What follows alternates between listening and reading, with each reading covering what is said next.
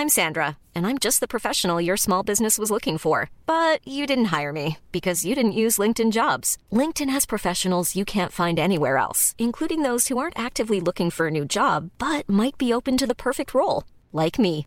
In a given month, over 70% of LinkedIn users don't visit other leading job sites. So if you're not looking on LinkedIn, you'll miss out on great candidates like Sandra. Start hiring professionals like a professional. Post your free job on linkedin.com/people today.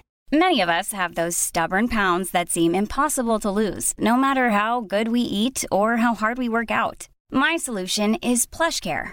PlushCare is a leading telehealth provider with doctors who are there for you day and night to partner with you in your weight loss journey. They can prescribe FDA-approved weight loss medications like Wagovi and Zepbound for those who qualify. Plus, they accept most insurance plans. To get started, visit plushcare.com slash weight loss. That's plushcare.com slash weight loss. Hey, I'm Ryan Reynolds. Recently, I asked Mint Mobile's legal team if big wireless companies are allowed to raise prices due to inflation. They said yes. And then when I asked if raising prices technically violates those onerous two-year contracts, they said, what the f*** are you talking about, you insane Hollywood ass?"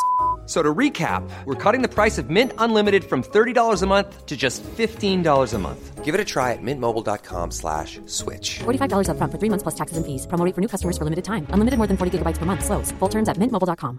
There's never been a faster or easier way to start your weight loss journey than with PlushCare.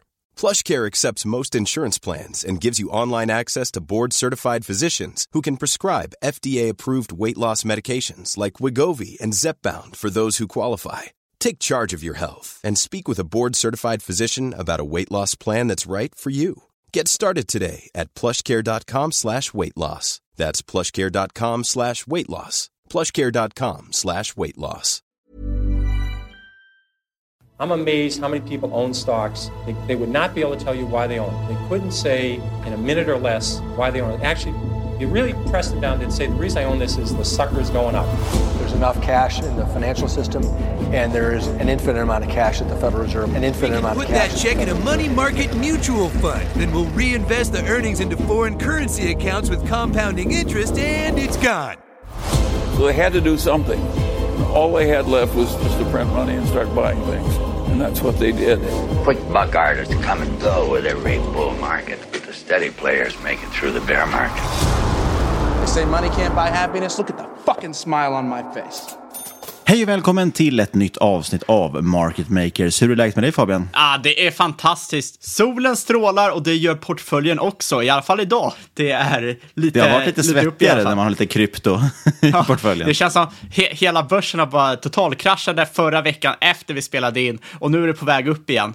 Ehm, så att specie speciellt efter det här kryptoavsnittet, det gäller att man har lite is i magen för att hålla de här typen av eh, tillgångar. Ja, det var ju kul. Vi hade ju haft med oss en sponsor ju i form av Valor med deras Bitcoin Series och Ethereum Series. Och som vi sa i förra avsnittet så introducerade de en Cardano också, Tracker. Och där köpte ju både du och jag faktiskt där på första dagen det sättet handlades. Och sen föll den, väl- var det 30 procent dagen efter, eller var det 40 procent till och med? Men det studsade ju upp ganska bra igen. Eh, så jag tror faktiskt inte jag ligger så back på den där längre. Eh, som tur var så var det det en ganska liten position man tog. Eh, men eh, det svänger fort i krypto minst sagt. Eh, och det är lite som, jag, har väl varit inne på det förut också, att det, är det man ska tänka på med de här med krypto. Många skämtar ju om att ja, men då, man kan ju inte kalla det för guld, digitalt guld, för det har sån extrem volatilitet. Det kan ju inte vara en valuta för det har sån extrem volatilitet. Många driver med så ah, store of value, ha ha ha, det gick till 40 procent. Jo, men det handlar ju också om att det är så pass nytt. Eh, Och alla tillgångar när de, när de precis introduceras liksom här så pass nya, innan man vet vad priset ska vara, det var vi inne på. Vi vet inte hur stor efterfrågan är. Ja, då måste, det måste ju få stabilisera sig via, på ett pris. Det är en, liksom. Exakt, det är en omogen marknad, framförallt är det en oreglerad marknad. Så att det finns ju många skojare på marknaden också som man borde akta sig för. Eh, både folk som... Till exempel Elon Musk kanske. Ja, men exakt. Men folk som har onaturligt hög Eh, inflytande på marknaden, men sen också folk som skapar projekt som egentligen inte har något värde alls. Och det här måste man ju liksom fundera på innan, man, innan man köper något. För jag tror framförallt kanske nya investerare, eller spekulerare kanske man ska säga när det kommer till krypto, är väldigt eh, Ja, men de kanske borde, borde tänka ett, ett extra varv innan de köper in sig för att någon säger att det här kan vara nästa bitcoin, för att sanningen är att liksom, majoriteten av de här projekten kommer inte vara nästa bitcoin, majoriteten av projekten kommer inte vara någonting alls. Det är bara att kolla tillbaka på 2017, de topp 10 coinsen eller projekten då, det är rätt många av dem som har fallit bort sedan dess. Ja, och dessutom så ska man verkligen tänka på det som jag tror både Lone Wolf och Hank var ute och skrev om på Twitter, att eh, ska man lägga pengar i krypto så är det en väldigt liten del av sin portfölj. Eh, för att det kan också betala av sig. Många tycker så här, men vadå, då blir det kanske inga pengar. Jo, men det är en ganska asymmetrisk liksom, risk-reward. Eh, möjligheten, om det verkligen blir så pass stort med krypto som det skulle kunna bli, alltså möjligheten är enorm. Du skulle kunna mångdubbla pengarna om det går väl ut, men du kan precis lika gärna gå till noll. Därav så är det en väldigt liten del, bara några procent av portföljen som ska in i det. för att Eh, ja, det värsta som kan hända är att du blir av med, med 5 av portföljen, säger vi. Eh, men å andra sidan, om det skulle mångdubblas, ja, då blir det ganska bra avkastning. Så man ska ta det väldigt, väldigt försiktigt. Och det som vi har varit inne på förut också, att det kanske om jag vet inte, 5, 10, 15 år, då någonstans kanske bitcoin helt plötsligt är en ganska icke-volatil valuta. Eller vad man nu ska se det som. Exakt. Risken är ju framförallt hög eftersom inte alls har egentligen någon koll, i alla fall ingen mainstreamen har ingen koll på hur man ska värdera något sånt här, hur man värderar ett nätverk i monetära sammanhang. Och det gör ju att det minst sagt är riskabelt. Det är inte alls som att liksom, värdera kassaflöden som man har gjort de senaste hundra åren. Där har du ju svart på vitt. Visst, det kan ju vara som 2020 att bolag utan egentligen kassaflöden sticker iväg. Men du kommer ju alltid kunna jag menar, kvantifiera risken i ett bolag bara av att kika på kassaflöden. Det kan du inte göra på krypto. Nej, och man, man, ska vara medveten om att det handlar bara om utbud och efterfrågan. Och utbud är ju fixerat i varje enskild valuta oftast. Men däremot är efterfrågan extremt okänd och den faller ju. Eftersom så många också sitter med hävstångsprodukter också, sitter de och knockas och så, där, så att efterfrågan är väldigt svajande kan man säga. Och det är den vi kanske vet om, om 5-10 år vad den är och då blir det lite mer, eh, mindre volatilt helt enkelt. Men sen för att gå tillbaka till börsen då. Eh, det är ju väldigt mycket spännande. Det har varit en liten glad börs nu senaste tiden som du säger. Eh, och jag, alltså det känns som att det har varit någon slags förvärvsbonanza bara här senaste dagarna.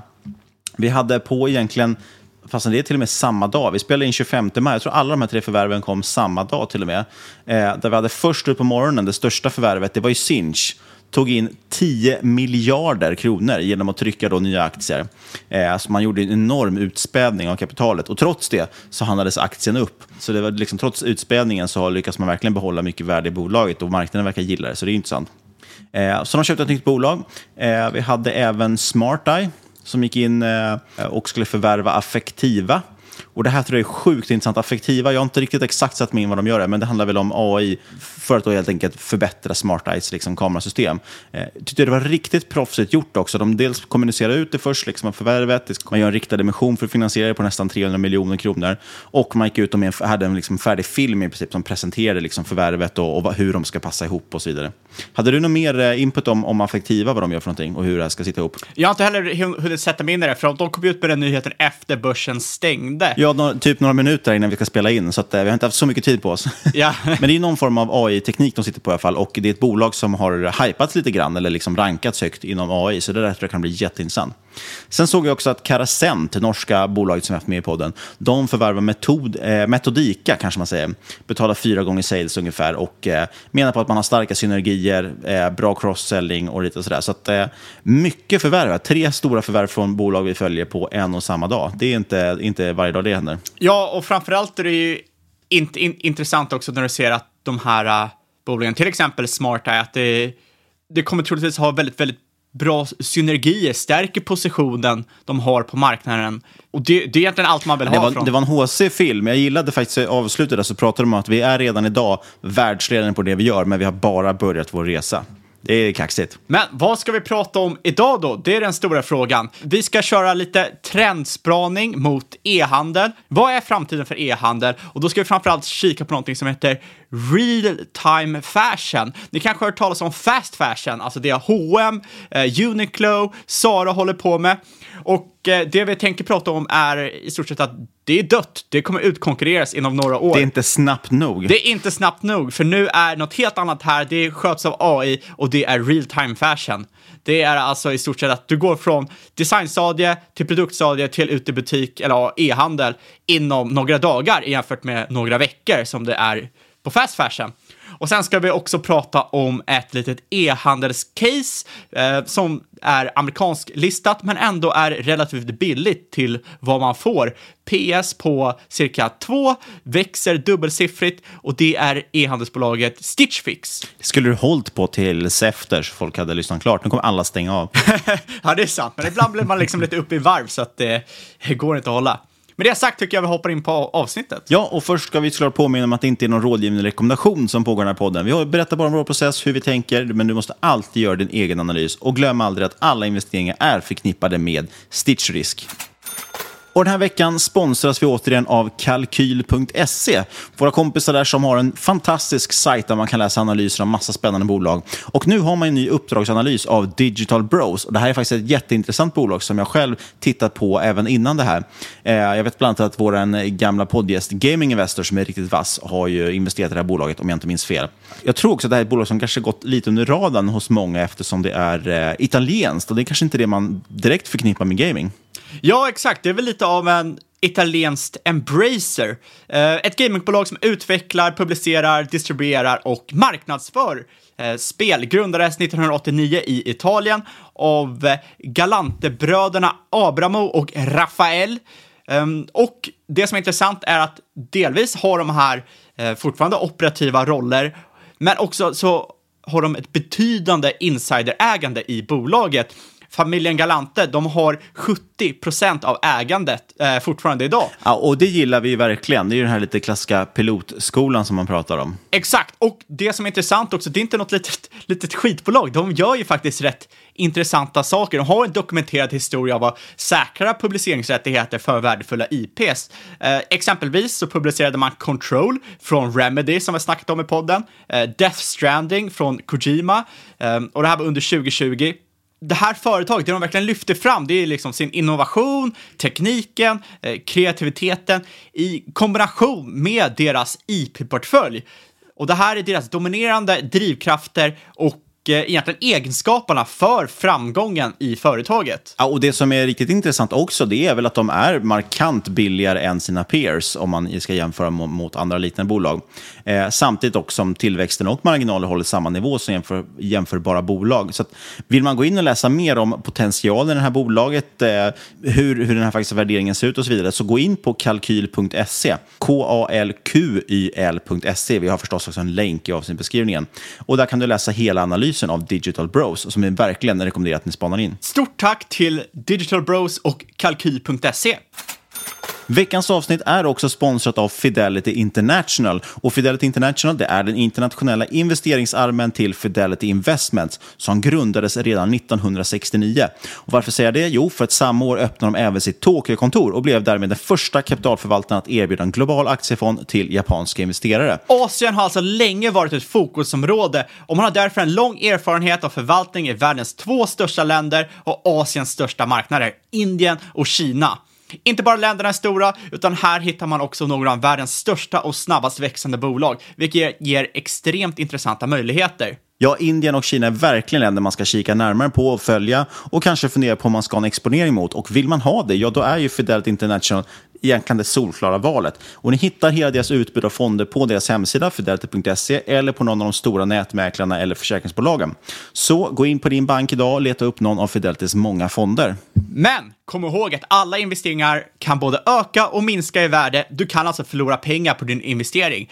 Så det är viktigt att läsa prospektet samt KIID-dokumentet och investeringar på tillväxtmarknader kan vara mer volatila än i mer utvecklade marknader. Vi säger stort tack till Fidelity International. Ja du Fabian, det finns ju det här med fast retail som vi pratar om, det vill säga snabbhandel. Men du tycker inte att det är tillräckligt snabbt. Du tycker att fast retail det är som ADSL, men nu ska du ha fiber eller 5G. Exakt. Eh, som, det är ingen av våra lyssnare som kommer ihåg vad ADSL är, tror jag. Nej, det är sant. Eller har vi så gamla, har vi så gamla lyssnare? Nej, jag vet inte. Vi skruvar väl för den yngre publiken. Men som vi sa i introt, fast fashion, det är ju en gigantisk industri har ju bolag H&M, Zara, Uniqlo, Asos. Och det är det här att du har låg kvalitet till hög kvantitet artiklar. Du pumpar ut liksom de här säsongs eller du har inte ens... Ja, eller fr framförallt handlar det ju om snabbheten i det. Eh, Medan andra bolag tar lång tid på sig att designa prylarna, få ut dem och så vidare, så kan H&M och så vidare vara... De, de har egentligen optimerat sina logistikkedjor och liksom för att jättesnabbt få kläderna från designen ut i butik. Och det det gör, det är att man kan vara väldigt snabb i trender och vändningar och liksom hela tiden ha nya spännande produkter. Eh, så kommer det någon ny trend med att ah, nu ska kläder se ut så här, då kan man vara väldigt snabb på det. Jag kan tänka mig, det här är inte riktigt mitt eh, specialområde ska jag inte påstå, men jag kan tänka mig också att det är en bättre omsättningshastighet och lite sådana saker också som säkert är, har varit väldigt trevligt för de här bolagen. Exakt, och det är ju så att mode är en rätt svår nisch. Den som kan förutspå efterfrågan bäst och liksom bättre optimera för populära produkter, minimera ineffektiv eh, ineffektiviteter som inkurans och rea och lager då har man en stor konkurrensfördel. Och det här är en av anledningarna till varför Sara har lyckats bli så framgångsrika och varför grundaren eh, Amancio Ortega är världens tionde rikaste man. Men om man säger så här, Sara tar sina kläder från designstadiet till butik på tre veckor. Och det låter snabbt, men det här med real time fashion, som jag tror kommer explodera de kommande åren, där kan du gå från design till butik eller e-handel på tre dagar. Och det här är genom extrem analys av så kallad big data och användandet av AI. Och jag tänkte vi ska lyfta ett kinesiskt bolag här som förvisso är privat, men som visar liksom lite hur utvecklingen går till på, inom real time fashion. Och eh, det är bolaget Shein och eh, som sagt, privat kinesiskt e-handelsbolag, men troligtvis det snabbast växande e-handelsbolaget i världen, har en tillväxt på över 100% per år senaste åtta åren. Så det är inte covid-dopad tillväxt, utan det här är stabil tillväxt senaste åtta åren. Eh, sålde för 10 miljarder 2020, så det är inte någon, det är inte någon liten skitstartup heller, så de har stor volym. Du vet vad man säger, she in, she ut. Exakt så. det som jag tycker är väldigt intressant med det här bolaget är att trots storleken, trots tillväxten, så är det faktiskt relativt okänt, framförallt här i väst. Eh, men man har trots det plockat in lite riskkapital från bland annat Sequoia och Tiger Global. Och för att visa hur populärt den här appen är för man kan ju tänka sig att de kanske har dopat siffrorna eller någonting, så rankar de just nu nummer ett på App Store i 56 länder inom shoppingkategorin. Topp fem i 124 länder. Hur många länder finns i världen? Det är väl typ 176 eller någonting. Så att de är i topp i nästan varje land i världen. I USA är de nummer två efter självaste Amazon. Och eh, dessutom rankar de nummer ett i hela världen när det kommer till webbtrafik inom mode och shopping. Det vill säga de är mer populära än Nike, eh, Lululemon, Zara, Adidas eh, och snitttiden på hemsidan är cirka 8 minuter och 36 sekunder. Och det här är högre än alla amerikanska fashion brands. Och det Shein gör är att de satsar på hög trafik, det vill säga många användare, i kombination med högfrekvens shopping, alltså att de här användarna kommer tillbaka ofta. Och de satsar även på en global försäljning framför kinesisk, för det är ju så att kinesiska priser är rätt nedpressade i Kina, så priserna som Kina kommer med i Kina är inget speciellt. Men när de har tagit det här internationellt så är kinesiska priser extremt billigt. Och det som är intressant med Kina är att de har i stort sett kombinerat Apple och Amazons affärsmodeller. För likt Apple så kontrollerar Shein hela sin värdekedja från fabrik och det här gör de för att de har in integrerat sin egen utvecklade mjukvara, sin egen utvecklade ERP hos tillverkare och leverantörer. Och det här är ett krav för att man ska få producera för Shein. Så från fabrik till appen och det här gör att de bygger ett extremt starkt brand, extremt bra användarupplevelse för kunden. Och det här gör att det, de i teorin skulle kunna vara ett premium brand, alltså ta premiumpriser. Men likt Amazon så satsar de hellre på att förbättra kundupplevelsen genom att dra ner priserna. Och det här är ju en extremt svår flywheel att få igång. Men när det väl är igång så är det otroligt svårt för konkurrensen att komma ikapp. Och det här gör att Shein kan ha en tre dagars turnaround från design till försäljning för genom att analysera den otroliga mängden data de sitter och crawlar på nätet eh, från extremt många källor eh, så kan de helt enkelt bestämma vad som kan, kan vara populärt utan en mänsklig touchpoint som de här fast fashion brandsen är beroende av idag.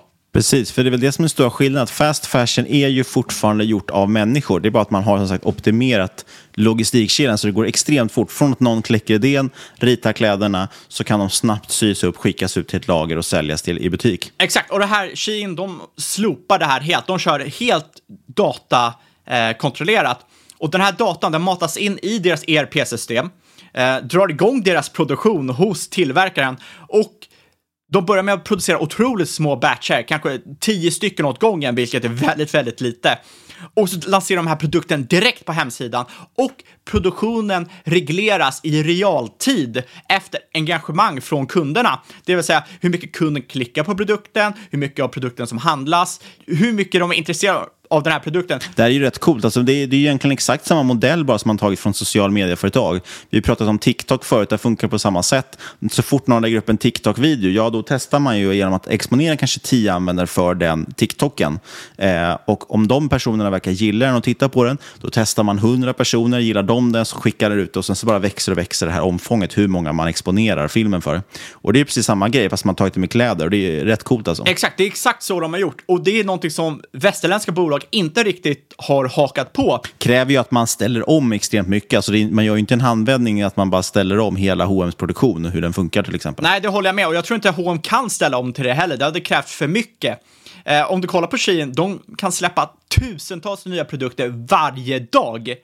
Eh, och det här är helt enkelt bara för att de har så snabb process, drar in så mycket data, analyserar så mycket data och eftersom de kan eh, förutspå efterfrågan så bra från den här dataanvändningen, snabbt iterera eftersom de har små batcher, så minimerar de ju den inkuransen, de minimerar lager och de kan leverera till kund till otroligt lågt pris.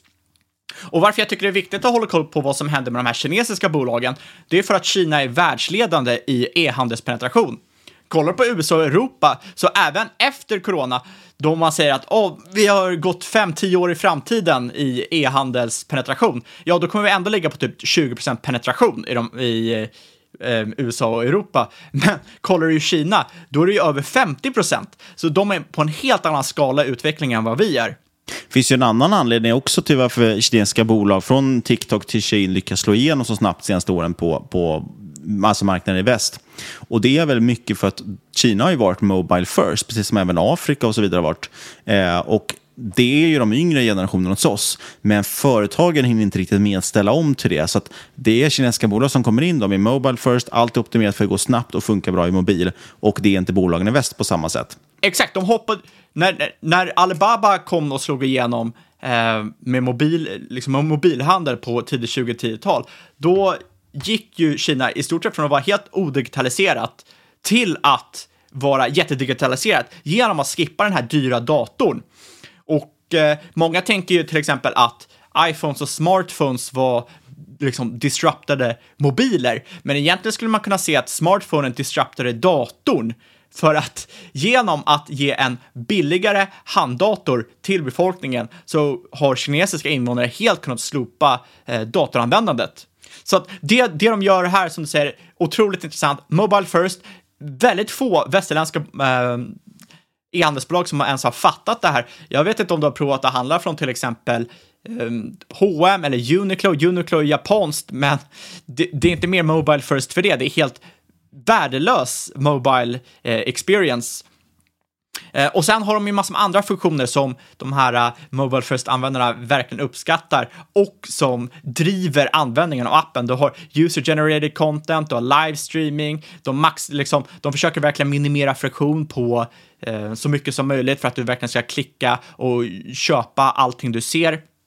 Och sen har man ju verkligen förstått där hur man ska marknadsföra sig i olika kanaler, till exempel eh, TikTok och Pin, eh, inte Pinduoduo, jag menar Pinterest, där man var väldigt tidigt inne och man har förstått det här att du måste inte använda dig av de här stora influencersen som svenska bolag till exempel använder sig av. De inser att ja, det finns ju många mindre influencers eller som kanske har en 5-10 000 följare som vill tjäna lite pengar. Ja, det vi skulle kunna göra då är att ge dem affiliate-lösningar så att de får 10-20% av salesen de drar in. Utbyte får vi helt gratis marknadsföringskostnader och troligtvis en exponentiell tillväxtkurva för det är mycket lättare om man låter andra ta hand om marknadsföringen, speciellt om det är en sån stor grupp som till exempel TikToks hela användarbas. Ja, precis. Det är ju det här lite micro-influencers-grejen.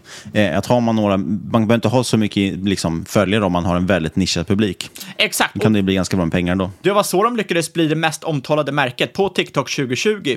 Så helt enkelt, hela den här grejen med real time fashion och hur bolag behöver ställa om för internetåldern tror jag kommer liksom skapa väldigt mycket problem för mer av de här klassiska västerländska plattformarna. Inte nödvändigtvis Amazon, för att eh, de har en så säregen position, men kanske bolag som har varit fysiska och nu vill övergå till internetåldern. Kanske till exempel som H&M och som Sara, som man liksom har sett har haft det jäkligt tufft de senaste åren. Okej, okay, men det låter ju superintressant Fabian. Men om man vill investera i det här då? Ska man, måste man ringa till Kina då och fråga om man kan få investera i det här Shein som ja, är privat? Jag kan säga så här, jag tror rakt av att det är...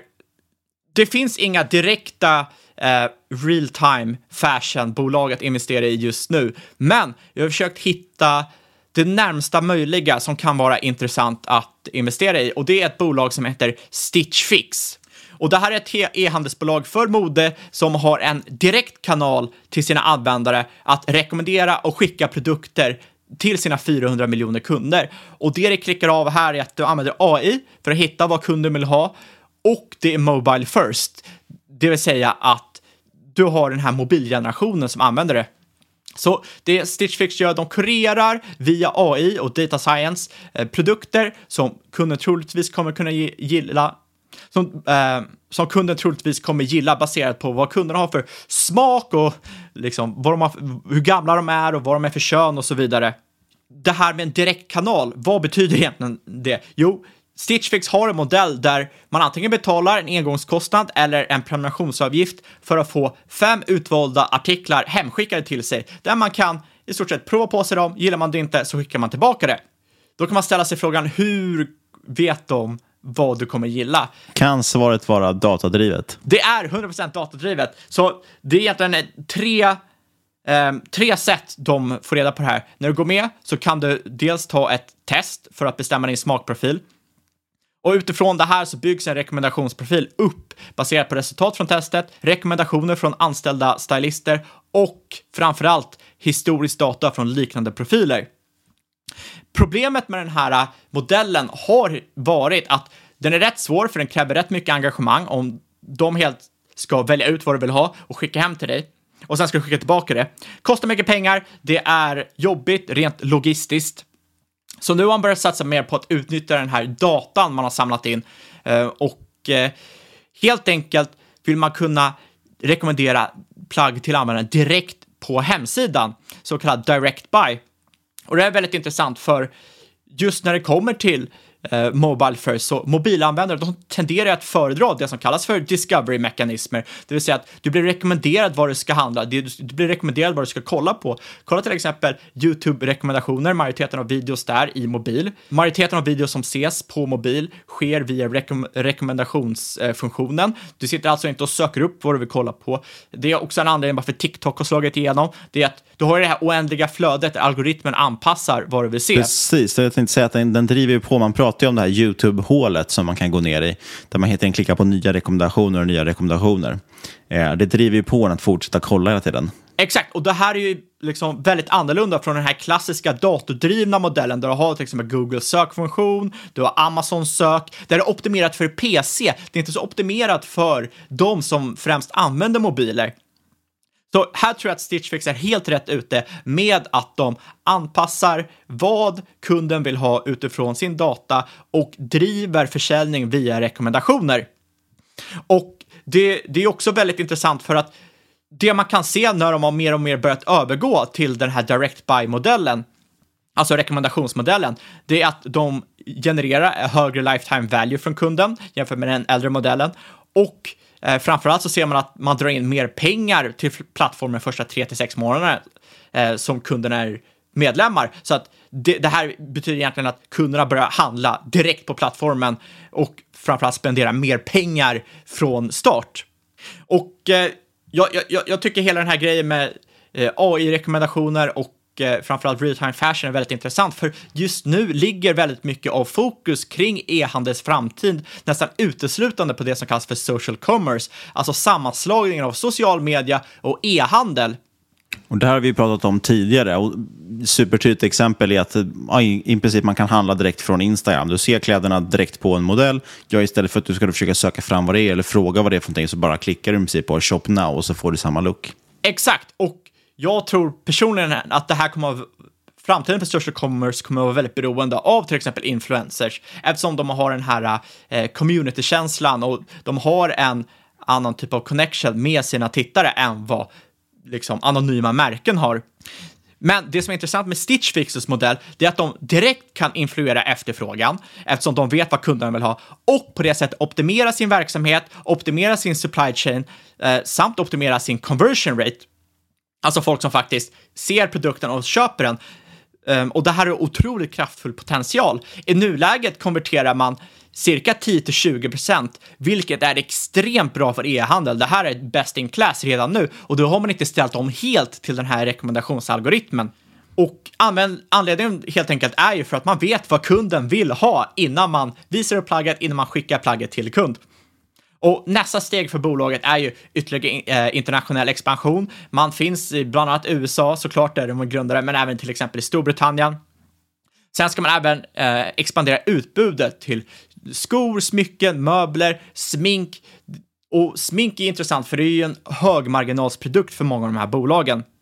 Det är intressant att sätta det här perspektiv, för att alltså, i Sverige är vi ju ganska förskonade från Amazon. Visst, Amazon har klivit in nu i Sverige och det har blivit faktiskt mycket större än vad man tror, trots att de hade väldigt mycket dålig översättning i början. Men tittar vi utomlands, kanske UK, vi tittar kanske Tyskland och framförallt USA förstås, så är det i stort sett omöjligt idag att konkurrera med Amazon. Eh, dels när det gäller utbud av produkter eller frakt, i och med att de har det här Prime-medlemskapet där du inte bara får liksom, fri frakt och one day delivery, utan du får dessutom ett tv-abonnemang och lite sådana saker.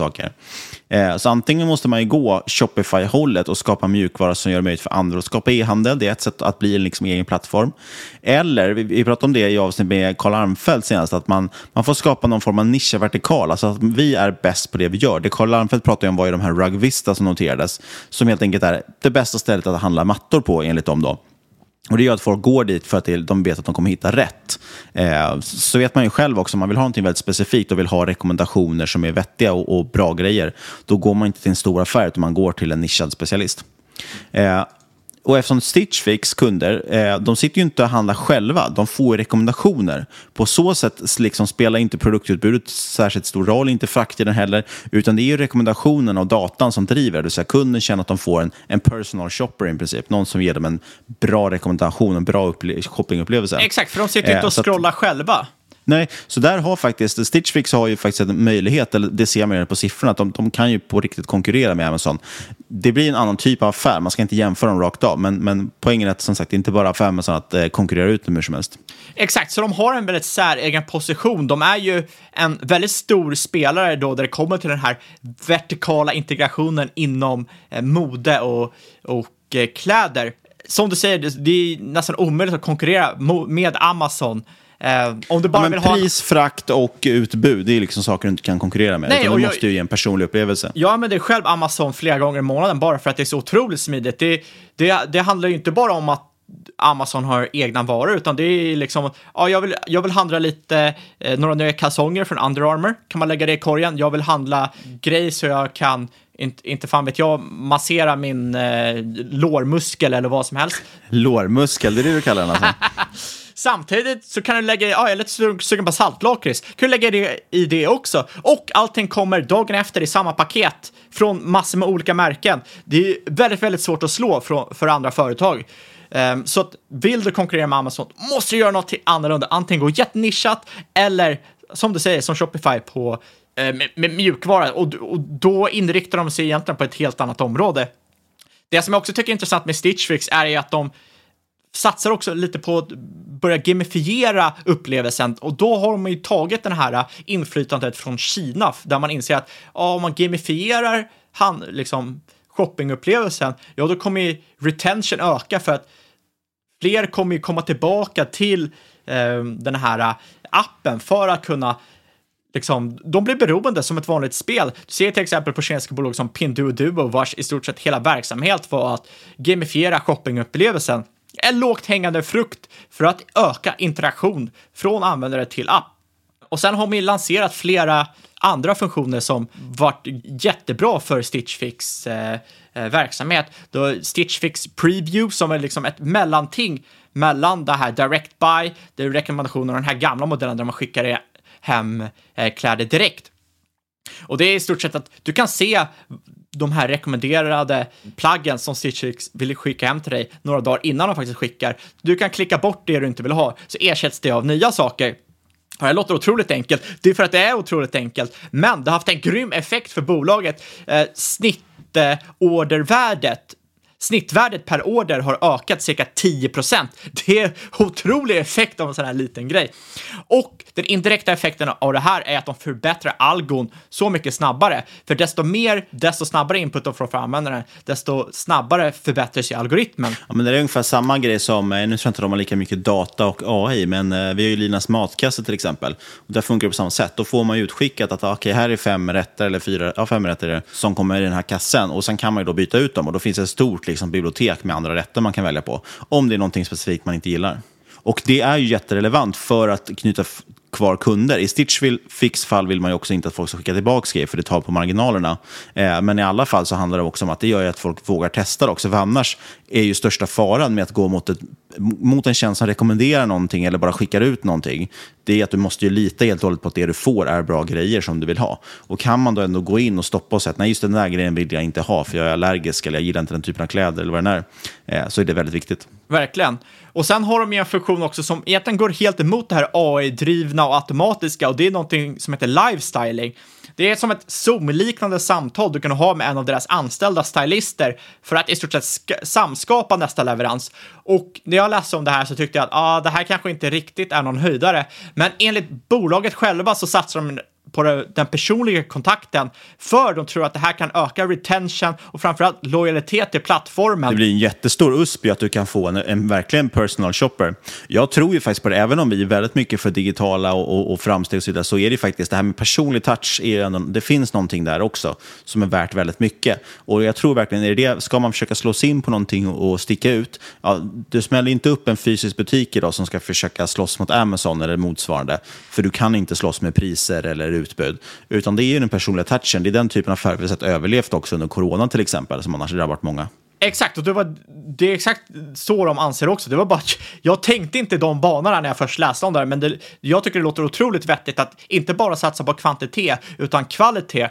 För Stitch Fix, de har ju som vision att bli en individualiserad butik eller showroom för varje kund. Och då krävs det också den här eh, kanske lite mera mänskliga kontakten för att folk ska få intresse, för shopping är ju ändå någon typ av social, eh, socialt umgänge för många människor. Om det är helt digitalt så kommer det säkert många saknar det sociala och det är därför man har sett att många av de här, till exempel Pinduoduo i Kina där du har gamifierad social commerce och så vidare, har slagit igenom för folk vill att de vill ha den här shopping mall-känslan på internet. De vill inte bara gå in och checka ut och sen dra. Nej, och det lär ju ändå bli ganska billigt för Stitch Fix. Om de har en som personal shopper och säger att varje session med en kund är 15 minuter eller 30 minuter eller någonting, ja, då kan de klämma in rätt många kunder per dag om de skulle vilja på varje eh, shoppare så att säga, eller personal shopper. Exakt, och framförallt gör det ju att de kan differentiera sig mer och mer från dels an andra e-handelskonkurrenter, men framförallt från Amazon som är den stora jätten på marknaden här.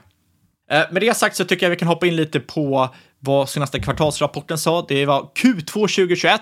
De har ju ett eh, splittrat eh, räken, vad heter det? räkningsår, räkensår. Brutet räkenskapsår. Men kollar man på aktiegrafen så ser det ju inte supervackert ut. Aktien har backat cirka 50 procent sedan januari 2021 och eh, helt enkelt var det så att marknaden inte uppskattade rapporten som kom och det här var helt enkelt ett resultat av lockdown och sen problem med frakt och logistik under julen. Och eh, Stitch fick, de räknar omsättning baserat på checkout, det vill säga det som kunden faktiskt köper. Om de skickar iväg en låda, kunden behåller en vara och skickar tillbaka fyra, ja, då räknar man ju bara checkout som eller då räknar de bara omsättning som den här varan som de håller kvar. Vilket är väldigt bra ju, för det blir mycket mer korrekta siffror än att de skulle rapportera allting de skickar ut som omsättning. Exakt, men... Det blir någon form av GMV, Gross Merchandise Value kanske. Exakt, men här ser man ju också en risk i den här typen av bolag. Varför det är intressant att gå över mer mot en algoritmstyrd onlinehandel. Och det är för att om logistiken inte fungerar optimalt, ja, då blir det problem för företaget. Med det sagt, omsättningen ökade 11,6 year on year. Aktiva kunder ökade med 11,8 year on year. Nu har man totalt som sagt 4 miljoner kunder. Eh, under kvartalet ökade First Fix Shipments, som det kallas, alltså kunder som handlar för första gången på plattform med 50% Bruttomarginalen ligger på 40% och eh, det jag vill, för, för att man tänker så här, ah, 11 det låter inte så high growth. Men bolaget själva guidar för en extrem ökning nu. Nästa kvartal förväntar man sig tillväxt om cirka 40 procent. Det känns ju som ett uh, rebound case kan man ju säga. Det är alltså ett när, när saker rebound öppnar case upp för- igen. för- Många hävdar ju att folk har inte köpt så mycket snygga kläder nu när de suttit hemma och jobbat ändå. Nej, nej, det här, de, ser, de har ju själva varit påverkade av corona, så att jag tror att det här är ett rebound case, varav att de guidar för 40% tillväxt i nästa kvartal och 20% för hela året. Och ställer man det här då att de har ett PS på 2,8 och tillväxt på 20 procent, ja, och kanske mer framöver, kanske närmare 40 som de kommer ha nu, eh, till exempel i Q3, då, då tycker inte jag att det ser superdyrt ut till ett market cap på 5 miljarder dollar.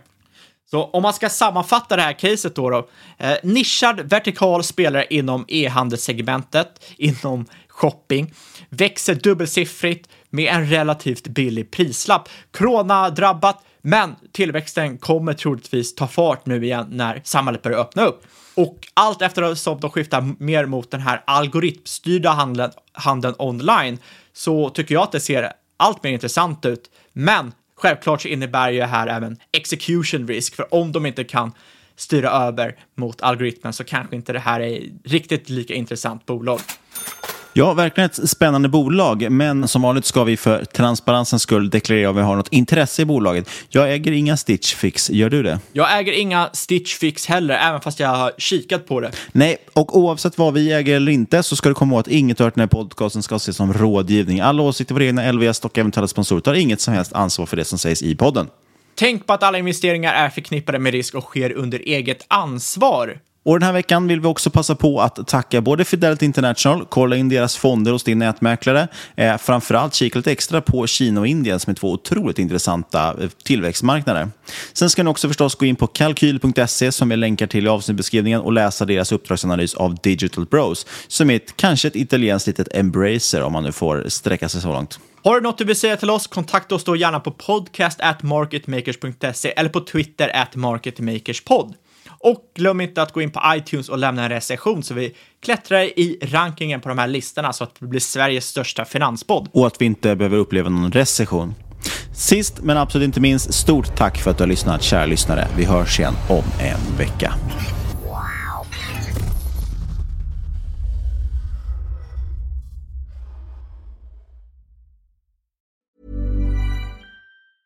Mother's Day is around the corner. Find the perfect gift for the mom in your life with a stunning piece of jewelry from Blue Nile. From timeless pearls to dazzling gemstones, Blue Nile has something she'll adore. Need it fast? Most items can ship overnight. Plus, enjoy guaranteed free shipping and returns. Don't miss our special Mother's Day deals. Save big on the season's most beautiful trends. For a limited time, get up to 50% off by going to BlueNile.com.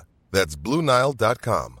Hey, I'm Ryan Reynolds. Recently, I asked Mint Mobile's legal team if big wireless companies are allowed to raise prices due to inflation. They said yes. And then when I asked if raising prices technically violates those onerous two year contracts, they said, What the f are you talking about, you insane Hollywood ass? F- So to recap, we're cutting the price of Mint Unlimited from $30 a month to just $15 a month. Give it a try at mintmobile.com slash switch. $45 upfront for three months plus taxes and fees. Promo for new customers for limited time. Unlimited more than 40 gigabytes per month. Slows. Full terms at mintmobile.com. A lot can happen in three years, like a chatbot may be your new best friend. But what won't change? Needing health insurance. United Healthcare Tri Term Medical Plans, underwritten by Golden Rule Insurance Company, offer flexible, budget friendly coverage that lasts nearly three years in some states. Learn more at uh1.com. Everyone knows therapy is great for solving problems, but getting therapy has its own problems too, like finding the right therapist, fitting into their schedule, and of course, the cost. Well, BetterHelp can solve those problems. It's totally online and built around your schedule. It's surprisingly affordable too. Connect with a credentialed therapist by phone, video, or online chat, all from the comfort of your home. Visit betterhelp.com to learn more and save 10% on your first month. That's BetterHelp, H E L P. Hey, it's Ryan Reynolds, and I'm here with Keith, co star of my upcoming film, If, only in theaters, May 17th. Do you want to tell people the big news?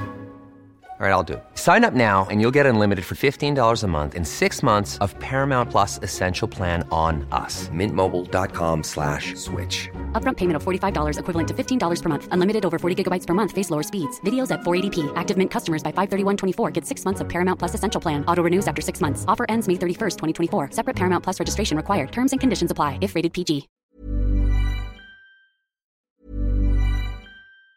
Hi, I'm Daniel, founder of Pretty Litter. Did you know cats tend to hide symptoms of sickness and pain? I learned this the hard way after losing my cat, Gingy. So I created Pretty Litter, a health monitoring litter that helps detect early signs of illness by changing colors, saving you money and potentially your cat's life. Pretty Litter is veterinarian developed, and it's the easiest way to keep tabs on your fur baby's health right at home. Go to prettylitter.com and use code ACAST for 20% off your first order and a free cat toy. Terms and conditions apply. See site for details. Mom deserves the best, and there's no better place to shop for Mother's Day than Whole Foods Market. They're your destination for unbeatable savings, from premium gifts to show-stopping flowers and irresistible desserts. Start by saving 33% with Prime on all body care and candles. Then get a 15-stem bunch of tulips for just $9.99 each with Prime. Round out Mom's menu with festive rosé, irresistible berry chantilly cake, and more special treats. Come celebrate Mother's Day at Whole Foods Market.